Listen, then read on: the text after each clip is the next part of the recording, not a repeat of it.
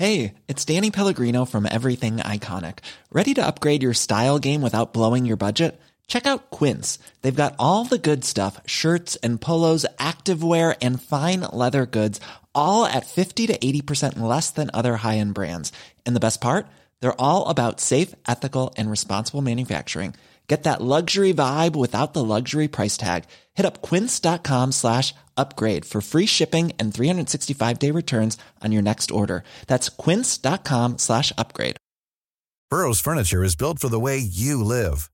From ensuring easy assembly and disassembly to honoring highly requested new colors for their award-winning seating, they always have their customers in mind. Their modular seating is made out of durable materials to last and grow with you. And with Burrow, you always get fast, free shipping. Get up to 60% off during Burrow's Memorial Day sale at burrow.com slash ACAST. That's burrow.com slash ACAST. burrow.com slash ACAST.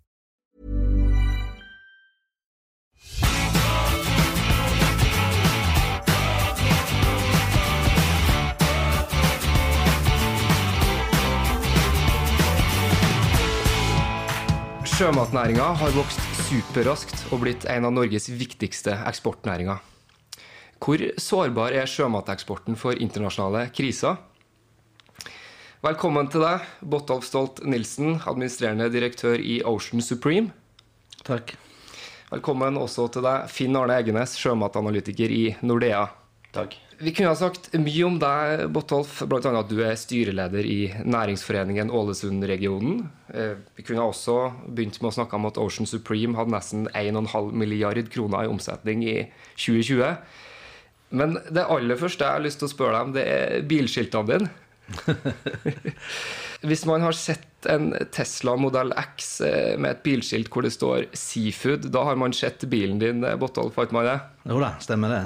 Tesla X-eiere topper listen over personlige bilskilt. Ikke så konservative. Eh, Det sto i saken her at du har to eh, biler med personlige bilskilt. Hva står det på det andre? Det andre står det Salmon på. Det er jo det vi jobber med til daglig.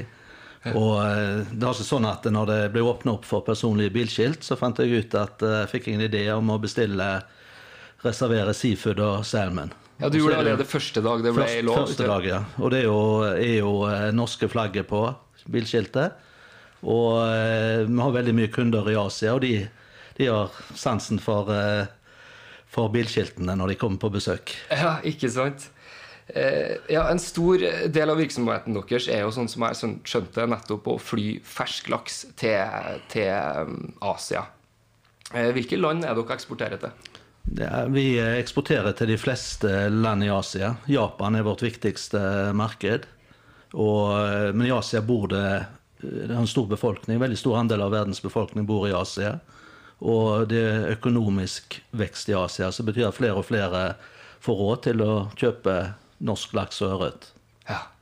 Eh, Finn Arne, du som, eh, du som analyserer fisk, har gjort det i en uh, liten mannsalder. Hvor viktig er Asia for norsk eh, sjømateksport nå? Eh, Det som kanskje skiller Asia fra mye av de andre markedene, er at det er marked med tradisjonelt veldig høy betalingsvilje og evne for produkter. Så de produktene som går til Asia, de oppnår svært god pris. Ja. Eh, altså, I et intervju du hadde i Sunnmørsposten eh, ganske nylig her, så sa du at eh, Norge vil eh, nå 120 milliarder kroner i eksportverdi fra sjømat i år. Og det knuser jo rekorden fra, fra 2019, da, eh, hvis det skjer, som var på 107,3 milliarder. Så må jeg bare smette inn her at laks utgjør to tredjedeler av eh, norsk sjømateksport. Eh, To tredjedeler, altså, har det blitt. Eh, Kan jo litt kortfatta ta oss gjennom hva som er de viktigste årsakene til at norsk sjømateksport går så det suser nå. Eh, Ja, For det første så har vi fått en voldsom opptur etter at pandemien har begynt å roe seg. Verden er åpna opp igjen. Eh, Det er fortsatt stor omsetning i supermarkeder, samtidig som eh, etterspørselen i hotell-, restaurant- og cateringmarkedet også øker. Det er helt riktig som du sier at laksen er liksom motoren i sjømatnæringa. Fordi vi har fått en vekst i etterspørselen, og også i produksjonen av laks i Norge. Slik at prisen øker, og mengden som vi eksporterer ut, øker. Det som er unikt eh, i år, er at vi ser at veksten i laks, produksjonen av laks i Norge er forventa å øke med minst 10 Det er den høyeste relative veksten siden 2012. Og det er en rekke faktorer som vi må se nærmere på for å forklare den store veksten. Eh, fjerde kvartal i fjor så var laksemarkedet svakt pga. pandemien. Så mange av oppdretterne valgte å utsette slaktet fra fjerde kvartal i fjor til i år. Det har vært en viktig driver for veksten. Vi vet at næringa har jobba lenge med å sette større smolt i sjøen. Det har hatt en positiv effekt på produksjonsvolumet i Norge. Eh, man setter også stadig mer smolt ut i sjøen, som også er en viktig faktor. Og så har man i år ligget veldig nært den såkalte MTB-grensa. Altså som regulerer hvor mye fisk oppdretterne til enhver tid kan ha i sjø. Ja, Maksimalt tillatt biomasse. MTV. Helt, helt riktig. Og den siste faktoren er at eh, den 2020-generasjonen mm. som var satt ut i sjøen i fjor, virker å ha en ganske god biologi. Være en sterk, eh, sterk årgang. Så, så her er det mange sammensatte faktorer som gjør at veksten hittil i år eh, er veldig høy. Ja. I en kronikk 10.6 altså Du eh, oppdaterer jo Norge på eh, sjømatsituasjonen ofte.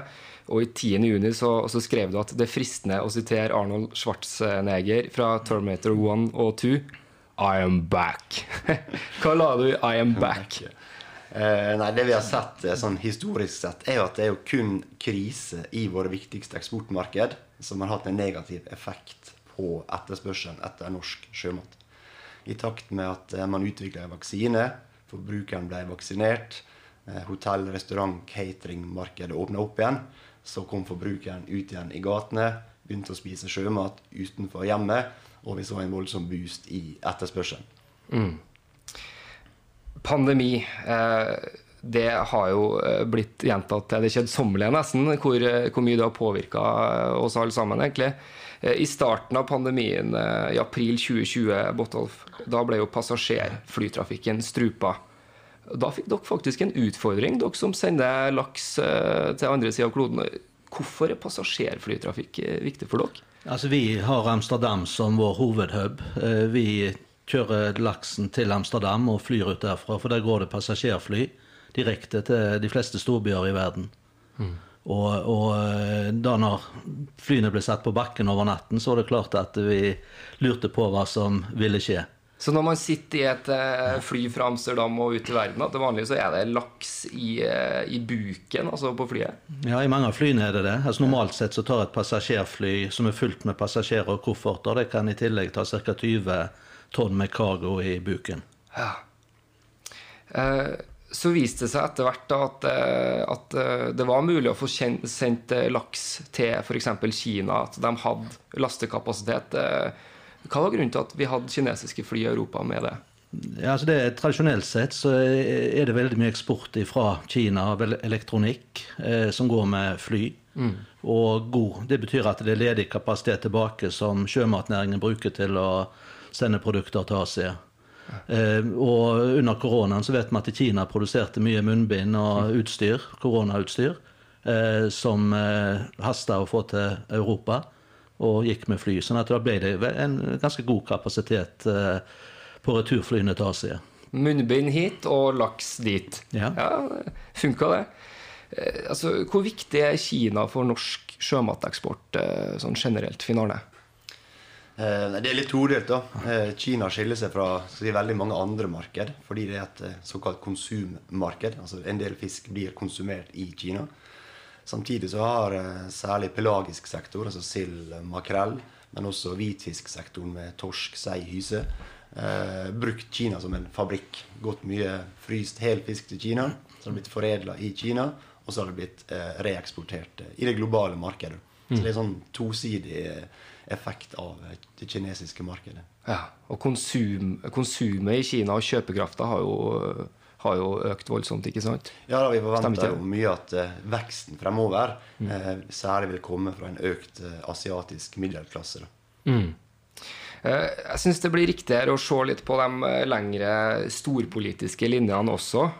Fordi vi vet jo at da den kinesiske dissidenten Liu Xiaobo fikk Nobels fredspris, det var i 2010, da, så svarte Kina med, med, raseri, egentlig. Og Norge ble satt i fryseboksen i, i hele seks år. Hvordan påvirka de seks årene i fryseboksen Ocean Supreme? Ja, vi eh, Jeg har vært veldig mye i Kina, og vi har solgt mye til Kina. Eh, Jeg var i Kina når det ble offentliggjort fredsprisen. Faktisk. var du det? Ja. Ja, hvordan, hvordan var det?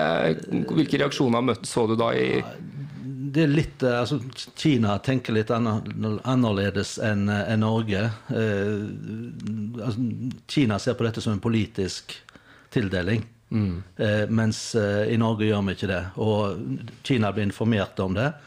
Men så, rett, rett etter tildelingen, da, så var, var eh, Stoltenberg på talerstolen med en forberedt tale. Så da oppfatter jo kineserne det som at, eh, at regjeringen var involvert i, i tildelingen. Og det, det, forventer de altså det, må, det er de vant med i Kina. Ja. Så det er nok litt, litt eh, ulike kulturer som, som krasjer litt. Ja, Hvilke reaksjoner merka du som representant for norsk sjømateksport i Kina på det tidspunktet? Det ble politisk iskaldt fra dag én. Fra dag én. Ja. Eh, og etter hvert så Norsk laks er det produktet som er best kjent i Kina. Og så eh, Vi så jo egentlig at det ble hindringer i eksporten av norsk laks til Kina. Ja. Som ble større og større. Så åpnet det opp i 2017, eh, fikk vi begynne å eksportere noe igjen. Men fremdeles er Kina utfordrende for, for norsk laks. Ja. Eh, altså, vi skal ikke gjøre noe stort poeng ut av det, men eh, kineserne blokka jo også ut uh, norsk laks av en annen grunn. For ikke så uh, veldig lenge siden. Det var under pandemien, fordi det visstnok ble funnet koronavirus på noen skjærefjøler. Uh, hvordan har det gått etterpå? Norsk laks har vel de siste par årene og gjennom koronaen egentlig vært relativt stabil. Men grunnen til det er at Chile under, etter Nobels fredspris så kom Chile inn som en stor leverandør av fersklaks til, til Kina. Men det, fra, fra Chile så er det to og en halv gang så langt å fly. Og når koronaen kom og flyfraktprisene steg, eh, så fikk de store utfordringer eh, i kostnaden med å fly til Kina. Okay. Så Norge har egentlig økt markedsandelen betydelig i, i Kina. Og totalmarkedet har falt. Ja.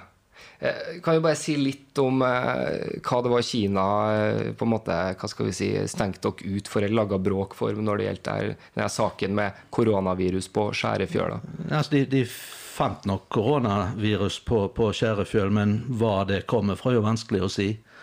Kina er veldig opptatt av korona og har i dag en veldig streng kontroll mm. på korona på alle varer som kommer inn til Kina. Ja. Eh, og Det betyr òg at det blir veldig mye forsinkelser både på flyplasser og i havner. Og begrensa kapasitet både med flytransport og containertransport. Ja, Vi skal absolutt komme tilbake til det med vanskelighetene som eh, alle egentlig ser på transportmarkedet, både vei og land og i lufta. Vi skal komme litt tilbake til det. Eh, Jeg tenkte bare vi skulle holde litt fast på dette med, med det storpolitiske, som da viser seg å påvirke norsk sjømateksport. Finn Arne, i den kronikken vi var innom i stad, 10.6, så eh, så skrev du ikke om Kina, men du skrev om et annet diktatur, nemlig Hviterussland. Eh, hvis vi tar det kort Det var en veldig helt, skulle tro det var tatt ut fra en film. Eh, du oppsummerte der at i mai så ble et Ryanair-fly som skulle fra Hellas til Litauen, omringa av jagerfly og tvunget til å lande i Hviterusslands hovedstad Minsk etter en påstått bombetrussel. da. Om bord var regimekritikeren og journalisten Raman Pratasjevic, jeg tror du uttaler det sånn, og hans kjæreste eh, om bord. Begge ble pågrepet i Minsk. EU responderte på hendelsen med å stenge hele luft, luftrommet sitt og alle sine lufthavner for hviterussiske fly. Eh, hvorfor tok du opp det her i en kronikk om norsk eh, sjømateksport? Eh, nei, Norge eksporterer jo hvert år eh, millioner av tonn med norsk eh, sjømat. Så vi er helt avhengig av en velfungerende verdenshandel. Eh, grunnen til at jeg tok opp Hviterussland, var at Da må vi se litt tilbake igjen i tid, egentlig. Eh, Hviterussland har i dag en liten funksjon som et foredlingsmarked for norsk sjømat, som går inn i det russiske markedet. Og det russiske markedet, det, det er ganske viktig, er ikke det, Botolf? Ja, det var viktig. Det var- Men i dag det var får vi lov å eksportere noe til Russland. Nei, Av sjømat. Se der, det er helt stengt. Eh, fortell litt mer om eh, hva som har skjedd, Finn Arne, og hva det har med Hviterussland å gjøre, for å si det sånn. Ja, Da må vi spole tida tilbake igjen til 2014. I 2012, 2013 og tidlig på 2014 så var jo Russland kanskje det største markedet, enkeltmarkedet for norsk eh, sjømat. Eh, så var det utfordringene med Russland og eh, Ukraina i forhold til an annektering av eh, Krimhalvøya. som gjorde at Russland innførte et importforbud på vestlige matvarer, som ble jo dramatisk da eh, for norsk sjømat, fordi det var vårt største enkeltmarked. Eh, Så for å gå tonnevis med både laks, sild og makrell inn til Russland, så ble markedet over natta stengt. Eh, Og da har jo da Hviterussland vært en marginal hub. Det har gått noe fisk til Hviterussland, som har vært råstoff i hviterussiske foredlingsindustrien, som har igjen da gått inn til Mm. Men marginalt. Russland. Marginalt Ja, ja. lite. Eh, Men eh, det viser jo litt igjen hvor eh, viktig Altså Sjømatnæringa har utvilsomt profilert, eller profitert på den globaliseringa av verdensmarkedet som vi har sett de siste tiåra. Og der er jo handelsavtaler og vareflyt over landegrensene helt essensielt. Jeg, hvis jeg skjønner deg riktig, så har Hviterussland vært en eh, fin måte å få norsk fisk inn i Russland på likevel. For at det da går via dem, videreforedler, får det inn i Russland, og, og, og da er det på en måte lov. Men hvis vi selger rett fra Norge til Russland, da, da er vi utestengt. Det går ikke. Forstår jeg riktig da, Det er riktig. Russland har innført eh, et eh, importforbud på alle vestlige matvarer, eh, med unntak av Færøyene. da. Så det går veldig mye sjømat i dag, særlig sild, makrell og laks, fra Færøyene og inn i det russiske markedet. Så færøyske fiskere de kan gni seg i hendene for dette her. Tjener godt på det. ja. Ok. Uh, hvordan har det påvirka Ocean Supreme? Jeg må stille det samme spørsmålet som når det gjelder Kina. Ja, med, med Russland var et marked vi, vi solgte på, men Hviterussland er såpass lite marked at det har ikke vi fokus på. Eh, Men vi vi ser egentlig en trend i, i verden i dag med økende proteksjonisme. Både handelskonflikter, eh, USA, Kina, Europa, Kina. eh, Og eh, det som skjer på, på, på, på, i forhold til korona og mer kortreist mat. mat. Så det, det er mer legitimt egentlig å beskytte egen industri. Altså Vi hører jo her at uh, kriser, enten de er politisk eller økonomisk, det kunne vi også snakka om. Vi kunne snakka om finanskriser og, og sånne ting. Uh, eller medisinske kriser som pandemien. Det har noe å si. Uh, og pga. koronapandemien nå så går containermarkedet veldig trått. Jeg forstår det sånn at det er hovedårsaken. Um, og så er transportmarkedet på veiene også vanskelig, delvis pga. Av, av brexit og sjåførmangel, faktisk. Eh, bare for å nevne det, da, så resulterte det bl.a. at Fjordlaks for første gang sendte klippfisken sin med skip.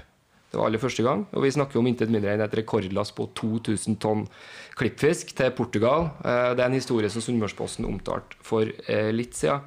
Det er vanskelig for dem som vanligvis sender på veiene. da. Hvordan er det for dere som frakter med fly? Hvordan er situasjonen for dere? Eh, Vi ser at det er en del eh, gods som normalt går på med containere på sjøveien, som blir sendt med fly.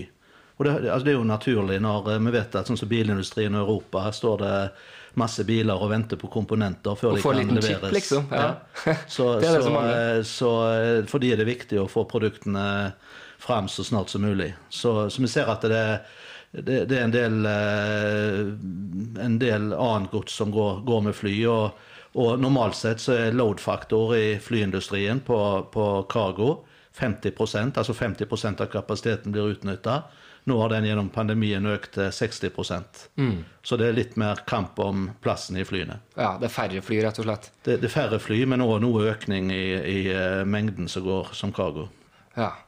Eh, Da vil jeg ta opp det som kanskje er en elefant i, i rommet. Eh, Hvor bærekraftig er det egentlig å sende fisk eh, med fly til andre sida av, av jorda? Jeg må sette litt i perspektiv. da, egentlig. Hvis, hvis- du ser på oppdrett og lakseoppdrett, så er det en ganske bra måte, bærekraftig måte å produsere mat på, proteiner på. For laksen den flyter i vannmassen, så han slipper å bruke energi på å stå. Og den slipper å bruke energi på å holde en stabil kroppstemperatur på vel 40, eller bortimot 40 grader. Eh, Den har samme temperatur som vannet den svømmer i. Eh, Sånn at du har en veldig god fòrutnyttelse på, på laks. Og fòr er i forhold til CO2, eh, fotavtrykk, så er fòr eh, en viktig kilde for det. Ja, Da har vi sjølve laksen, men hva med, hva med transporten? Og så produseres laksen i dag i merder i sjø i all hovedsak. Og det kan bare gjøres noen plasser i verden både er temperaturforhold og lokaliteter for det. Og heldigvis er Norge en av de plassene. Så vel 50 av laks- og ørretproduksjonen i verden i oppdrett den skjer i Norge. Og det, 50%. 25-30% i Chile. og resten i noen få andre land. Og, men så er det sånn at i, i, i eh, de landene det produserer, så bor det relativt lite folk. Altså konsumentene er andre steder i verden. Og vårt hovedmarked i Norge det er jo selvfølgelig Europa. Russland var et viktig marked. Altså begge deler der kan, begge, der kan vi skipe med, med, med, både skip og, og, og, bil, og tog delvis. Eh, fersk. Eh, men eh, så går det en del til oversjøiske markeder, spesielt Asia. Eh, som er et, er et eh, viktig marked. og, og det, det, det, vi gjør der, er at vi Altså, det er dyrt å sende med flyfrakt. Eh, sånn at det vi gjør, er at vi har en fokus på å sende mer og mer filet mm. istedenfor helfisk. Det betyr at vi kutter vekk hoder og bein og bruker det til, til restråstoff til, til industri i, i, i, Norge og Europa. Så vi slipper å fly det. Og det er det ene. Og det andre vi jobber med, det er kjøle, altså superkjøling. Mm. At vi slipper å ha noe videre med is i kassene når vi sender, sender, fisken. Så vi ønsker egentlig å sende, ha fokus på å sende fiskekjøtt, for det er det som skal konsumeres. Ja. Så det, det Og så bruker vi veldig mye passasjerfly. Altså, som jeg var inne på i stad, så er frakt, eh, altså, faktoren som utnyttes av, av frakt, det er 50 var det før pandemien, og 60% nå. Sånn at det, det, finnes en god del ledig flykapasitet som kan benyttes. Og, og, og, det har tradisjonelt vært veldig mye eksport fra Asia, og Kina spesielt, til Europa. Og da det, eh, har det vært eh, tomme fly eller lite utnytta fly tilbake, hvor laksen da har kunnet ta sin, ta sin plass. Så det er mulig at en bør eh, altså vi, vi jobber jo også med fryseteknologi og, og utvikle mer frosne produkter, spesielt mot USA-markedet, tror jeg at det kommer eh, relativt raskt, mer og mer. Eh, men, men vi, skal, vi, skal, huske at alternativet, hvis Norge trekker seg ut i dag fra Asia-markedet, så vil nok alternativet være å ta veldig mye fra Chile. Og skal du fly fersk fra Chile, så er det to og en halv gang så langt som fra, fra Norge og Europa. Mm. Sånn at i fotavtrykkmessig så vil det være, være, kanskje ikke være til det bedre. Så da må det i tilfelle skje noe på flyfrakt eh, globalt. This Mother's Day, celebrate the extraordinary women in your life with a heartfelt gift from Blue Nile. Whether it's for your mom, a mother figure, or yourself as a mom, find that perfect piece to express your love and appreciation. Explore Blue Nile's exquisite pearls and mesmerizing gemstones that she's sure to love. Enjoy fast shipping options like guaranteed free shipping and returns. Make this Mother's Day unforgettable with a piece from Blue Nile. Right now, get up to 50% off at BlueNile.com. That's BlueNile.com. Hiring for your small business? If you're not looking for professionals on LinkedIn, you're looking in the wrong place. That's like looking for your car keys in a fish tank. LinkedIn helps you hire professionals you can't find anywhere else, even those who aren't actively searching for a new job but might be open to the perfect role. In a given month, over 70% of LinkedIn users don't even visit other leading job sites. So start looking in the right place. With LinkedIn, you can hire professionals like a professional. Post your free job on linkedin.com slash people today. Hey, Dave. Yeah, Randy. Since we founded Bombus, we've always said our socks, underwear, and T-shirts are super soft. Any new ideas? Maybe sublimely soft. Or disgustingly cozy. Wait, what? I got it. Bombus Absurdly comfortable essentials for yourself and for those facing homelessness. Because one purchased equals one donated. Wow, did we just write an ad? Yes. Bombas. Big comfort for everyone. Go to bombas.com slash ACAST and use code ACAST for 20% off your first purchase. Gode poenger, det her. Altså. Det er ikke bare laks som flys.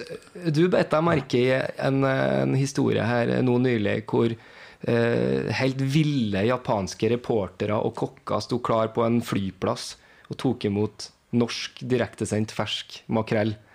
Eh, Finn Arne, hvorfor, eh, hvorfor syntes du eh, det var så gøy? Eh, nei, det, det lærte av den eh, reportasjen som var opprinnelig fra Sjømatrådet. Eh, det var at Japan er en stor begivenhet når årets første sesongvarer kommer til, til markedet.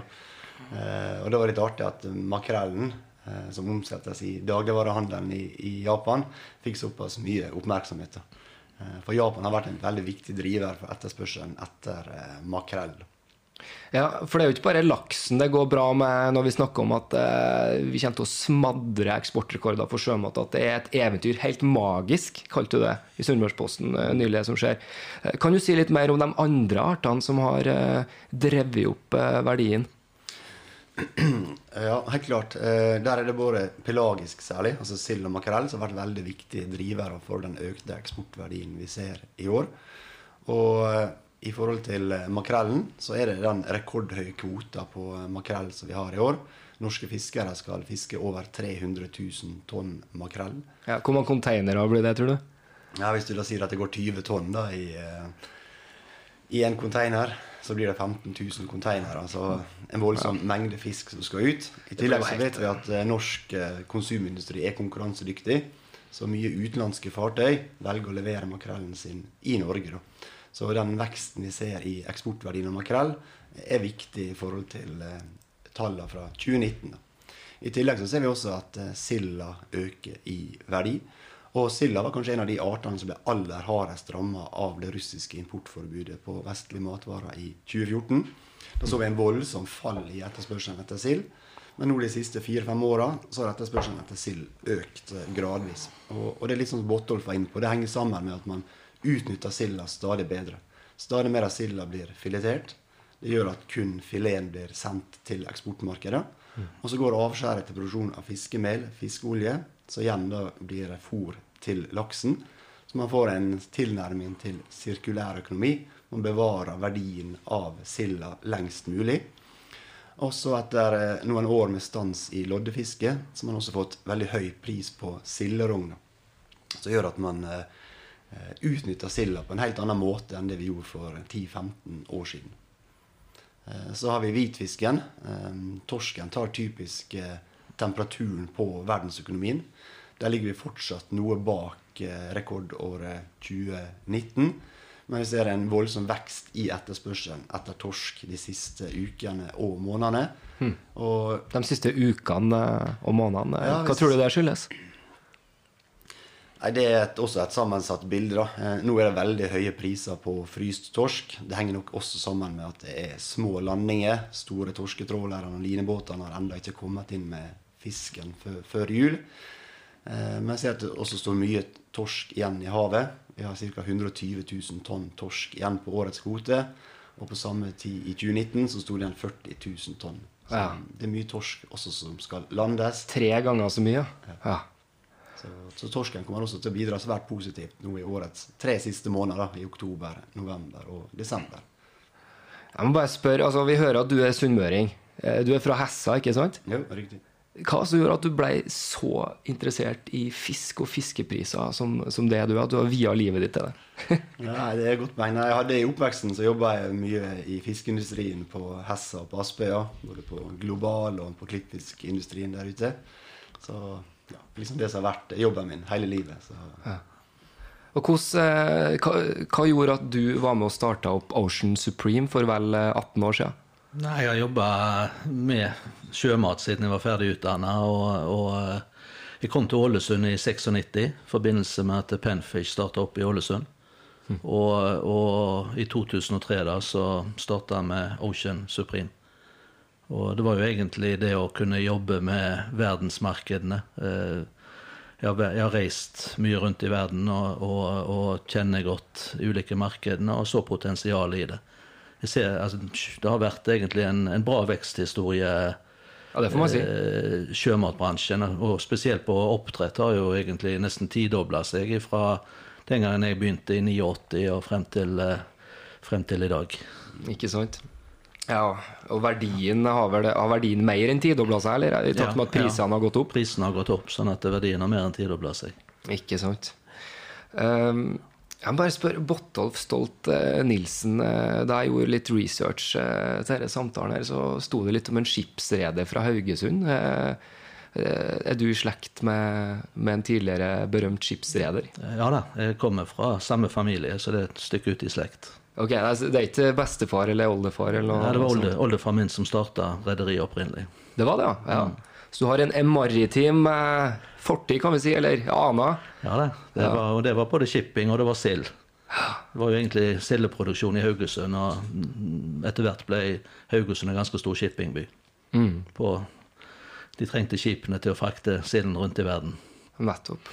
Eh, Hvordan havna du her i Ålesund? da? Standardspørsmål for oss som ikke har riktig dialekt. Nei, Jeg er jo gift med ei fra Bremanger, eh, og, og eh, Ålesund er, I forhold til sjømat så er Ålesund en ganske sentral plass. Mange flinke kremmer i Ålesund. Det kan man trygt si. altså Jeg koser meg hver dag med å sitte og se ned på, på fiskebåtene som er rett utafor vinduene her i pirbygget. Eh, helt klart. eh, når vi først snakker om det her eh, som er lokalt, da, så har jeg lyst til å ta opp en, eh, en sak eh, rett borti Nørvevika her, eh, Botolf. Eh, for Ocean Supreme Holding er 50% eier av Kolvika Brygge AS. Du er styreleder. Så som jeg skjønte, ut ifra det kollegaen min her i Sunnmørsposten har referert, så ønsker Kolvika Brygge å utvide kontorarealene sine og har søkt om å få dispensasjon til ei større utfylling i sjøen i Nørvevika, med ønska byggestart 1.12. allerede. Problemet er bare at både Statsforvalteren og Fiskeridirektoratet er kritisk og har på en måte fraråda planene i sin helhet, fordi at det akkurat i det området eh, vokser noe som heter ålegress. Det hadde ikke jeg hørt om så mye før, men det er visst veldig viktig for fisken, for torsken, Borgundfjordtorsken, å få lov å gyte i denne ålegressenga. Eh, altså, hva- er egentlig din holdning i denne saken her? Altså, vi, vi har kjøpt eh, en tomt, det er ikke noe bygg der i dag, eh, for å, sammen med et annet sjømatselskap. Og det er for å Vi har lyst, hvis det er mulig, å bygge et kontorbygg, eh, et sjømathus, hvor vi kan huse sjømatbedrifter. For vi tror det ville være fornuftig å ha både hvitfisk, laksebedrifter uh, i et, uh, i et eh, kontormiljø. Nettverk er, er viktig. Så det tror vi eh, vil være, vil være bra for, eh, for næringen her i byen. Eh, Så har vi søkt om eh, utfylling for å kunne få en størrelse på bygget som gjør at vi kan være flere bedrifter. Eh, Og den blir behandla nå. Det er godkjent av Ålesund kommune. Og, og det har vært en klage tidligere som er, som er for så vidt eh, ikke tatt til følge av statsforvalteren. Eh, og nå er det selve igangsettelsestillatelsen det er søkt om. Og da har det kommet litt innspill. Men statsforvalteren har ikke fatta noe vedtak. Den er under behandling. Så, så det får vi se litt på hva, hvordan det, hvordan det blir, eh, blir eh, vurdert. Vi er klar over at det er ålegras der. og og eh, det har vært biolog inne og sett på det og har lagt, lagt en plan egentlig for at, at ålegras og eventuelt gytefisk ikke skal bli skadelidende på, Ja. på, på en sånn utbygging. Så Ja. får, vi, får vi se hva utfallet blir på det. Ja, dere ser litt an den. Eh, Men ålegresset vokser vel egentlig bare i en, en en, ganske liten del av planområdet, sånn som jeg skjønte. Altså, det påvirker bare en liten del.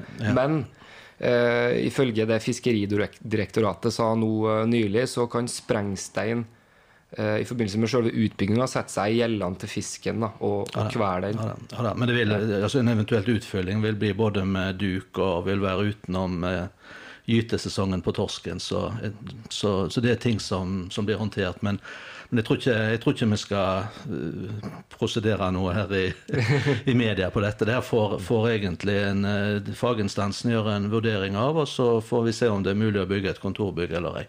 Hvis det er mulig, så har vi lyst til å gjøre det, og hvis ikke, så, så er ikke det mulig. Nei. Vi får se. Eh, Mener du noe i den saken, er du som er så fiskeinteressert? Nei, det har ingen kommentarer til. Vi forholder oss mer til de, store tinga, priser og, og eksport. Eh, Jeg tenkte bare det var eh, fint å ta opp den lokale torsken også. Eh, Før vi, før vi gir oss eh, Før vi gir oss, altså Hvor langt kan egentlig norsk sjømateksport strekke dette dette eventyret, rett og slett, da?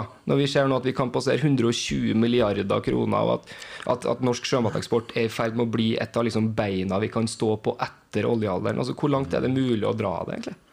Det er jo et veldig godt spørsmål. da. Ehm, I forhold til villfanga fisk, mm. så har jo fangstvolumet vært relativt stabilt over tid. Ehm, så, så det er jo først og fremst volumveksten kommer via eh, oppdrett. Og så kommer verdiveksten da på eh, villfanga fisk. Foredle mer i Norge. Stimulere etterspørselen, slik at vi kan få høyere pris eh, per kilo. Eh, Men at vi kan doble eksportverdien i løpet av en, ja, en gang i fremtida, det er jo Doble den ut ifra det skyhøye nivået nå? Oi. Ja, Ja. altså Spørsmålet er hvor langt frem i tid, i tid det går. da. Eh, Etterspørselen etter sunne proteiner vil alltid være der. De vil alltid være voksne. Så veksten vil komme hvert år, så lenge det ikke skjer noe dramatisk i, i markedet.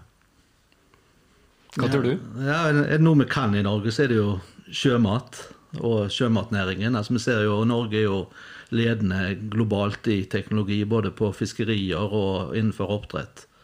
Eh, som vi, vi, produ- vi produserer her. og vi, og det kan også være aktuelt, altså, Vi ser at det er jo, jobbes jo med å etablere anlegg i markeder for å ha mer kortreist mat. Altså Både Atlantic Sapphire er jo sunnmøringer eller romsdalinger som, som, som, eh, som eh, har bygget et landbasert anlegg i, i Florida.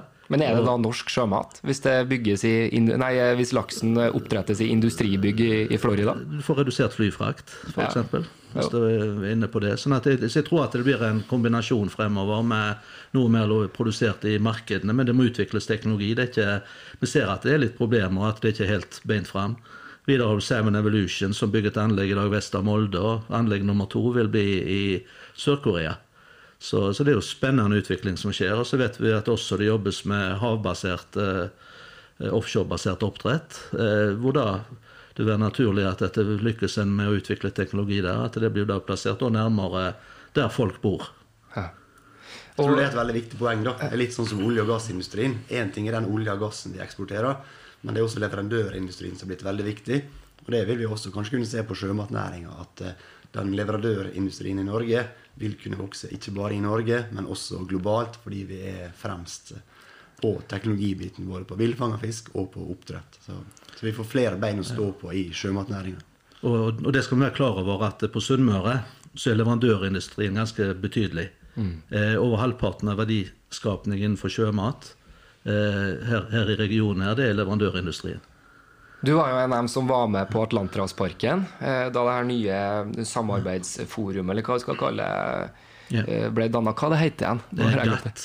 Ja, hva det sto for en? igjen? Global Aquaculture eh, te, Technical Hub. Ja, jeg drista meg til å ha tittelen eh, at eh, den lokale maritime klynga vil ta eh, maritimt verdensherredømme, eller noe sånt, skrev jeg. Men det var kanskje ikke så langt unna sannheten, egentlig. Nei, så Jeg tror at vi har absolutt muligheter til å posisjonere oss. Altså, Sunnmøre har vært veldig viktig i utvikling av eh, verdens fiskerier, på teknologi, på fiskebåt. Om det er eh, Alaska f.eks., så er det jo sunnmørsteknologi som, som eh, er utnytta der.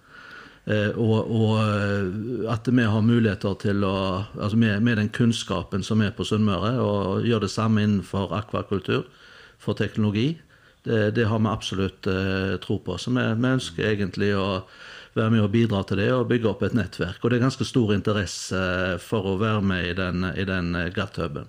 Ja, Det var nesten blitt sånn at man ikke kan stå utafor. Um, Ocean Supreme, da. Jeg nevnte at dere smakt på eh, altså Dere var nesten oppe på 1,5 milliard kroner i omsetning i 2020, og et pent driftsresultat var ikke på nærmere 45 millioner kroner. Ja. Ja. Eh, Hvordan ser du på, på framtida til Ocean Supreme? Hva, hvilke ambisjoner har dere? Altså vi, vi, altså vi er en voksende bransje, så vi har tro på, på fremtiden. Og så får vi, får, vi, eh, får vi posisjonere oss i forhold til altså utvikle teknologi, det er viktig. Eh, Bærekraft, eh, fiskevelferd. Og, og, og vi tror eh, at, at vi skal kunne, kunne vokse også i årene som kommer. Og hvis du ser på, på regjeringen sin, sin eh, regjeringserklæringen nå, så har de, har de eh, lagt opp til at en skal øke eksporten fra Norge utenom olje og gass med 50% fram til 2030. Og det tror vi både sjømatnæringen og, og, og vi som bedrift kan være med og bidra til, til det. Og bare så vi har det avklart, eh, Russland er fortsatt stengt for norsk sjømat. Men Kina det er åpent nå, ikke sant? Kina er åpent, men det er vanskelig. Det er vanskelig. Ja, både, både pga. eh, strenge koronatiltak, store problemer på logistikken. Eh, men òg politisk så er det, er det norsk, sånn som norsk laks er veldig sårbar for eh, eventuelle handelsrestriksjoner. Ja, det har vi jo sett Det har vi jo sett. Eh, dere har altså deltatt i Sunnmørspostens næringslivspodkast MAR. Eh, MAR det betyr jo hav på diverse språk i Europa. Og det er også sånn at navnet Møre kommer fra, fra det, da, fra MAR. Eh, tusen takk for at eh, dere kom, begge to. Takk for at vi fikk komme. Ja, takk. Helt til slutt da, så pleier jeg å spørre, eh, siden dette er en næringspodkast, om eh, dere har noen gode middagsplaner denne uka her. Her skal det spises Grandis. Her var det Nei, I tillegg til fredagstacoen, så vi håper at vi får plass til litt klippfisk og torsk. Det er favorittretten. Et godt standardsvar her i Ålesund. Ja. Ja, hva jeg skal spise resten av uken har vel ikke helt kontroll på ennå, men i eh, mandagskvelden så var det, var det på sjømatbaren på Gardermoen. Eh, Så da ble det reke, rekesmørbrød. De ble utsolgt for fiskesuppe. Eh, Og i går var det fiskekaker. Og så har jeg en svoger som er pensjonist, og vi skal til Bremanger til helgen. Og han reiser alltid ned litt i, for, litt i forkant, så hvis det er verdt det, så regner jeg med at det da blir både litt fisk og litt krabbe til, til middag. Da får du kose dere. Botolf eh, Stolt-Nielsen fra, fra Ocean Supreme. Finn Arne Egenes, sjømatanalytiker i Nordea. Mitt navn er Tarjei Engeseth Aastad. Takk. Takk. Hi, I'm Daniel, founder of Pretty Litter. Cats and cat owners deserve better than any old fashioned litter. That's why I teamed up with scientists and veterinarians to create Pretty Litter. Its innovative crystal formula has superior odor control and weighs up to 80% less than clay litter. Pretty Litter even monitors health by changing colors to help detect early signs of potential illness. It's the world's smartest kitty litter. Go to prettylitter.com and use code ACAST for 20% off your first order and a free cat toy. Terms and conditions apply. See site for details. Even when we're on a budget, we still deserve nice things. Quince is a place to scoop up stunning high-end goods for 50 to 80% less than similar brands. They have buttery soft cashmere sweaters starting at $50, luxurious Italian leather bags, and so much more. Plus, Quince only works with factories that use safe, ethical, and responsible manufacturing. Get the high-end goods you'll love without the high price tag with Quince. Go to quince.com slash style for free shipping and 365-day returns.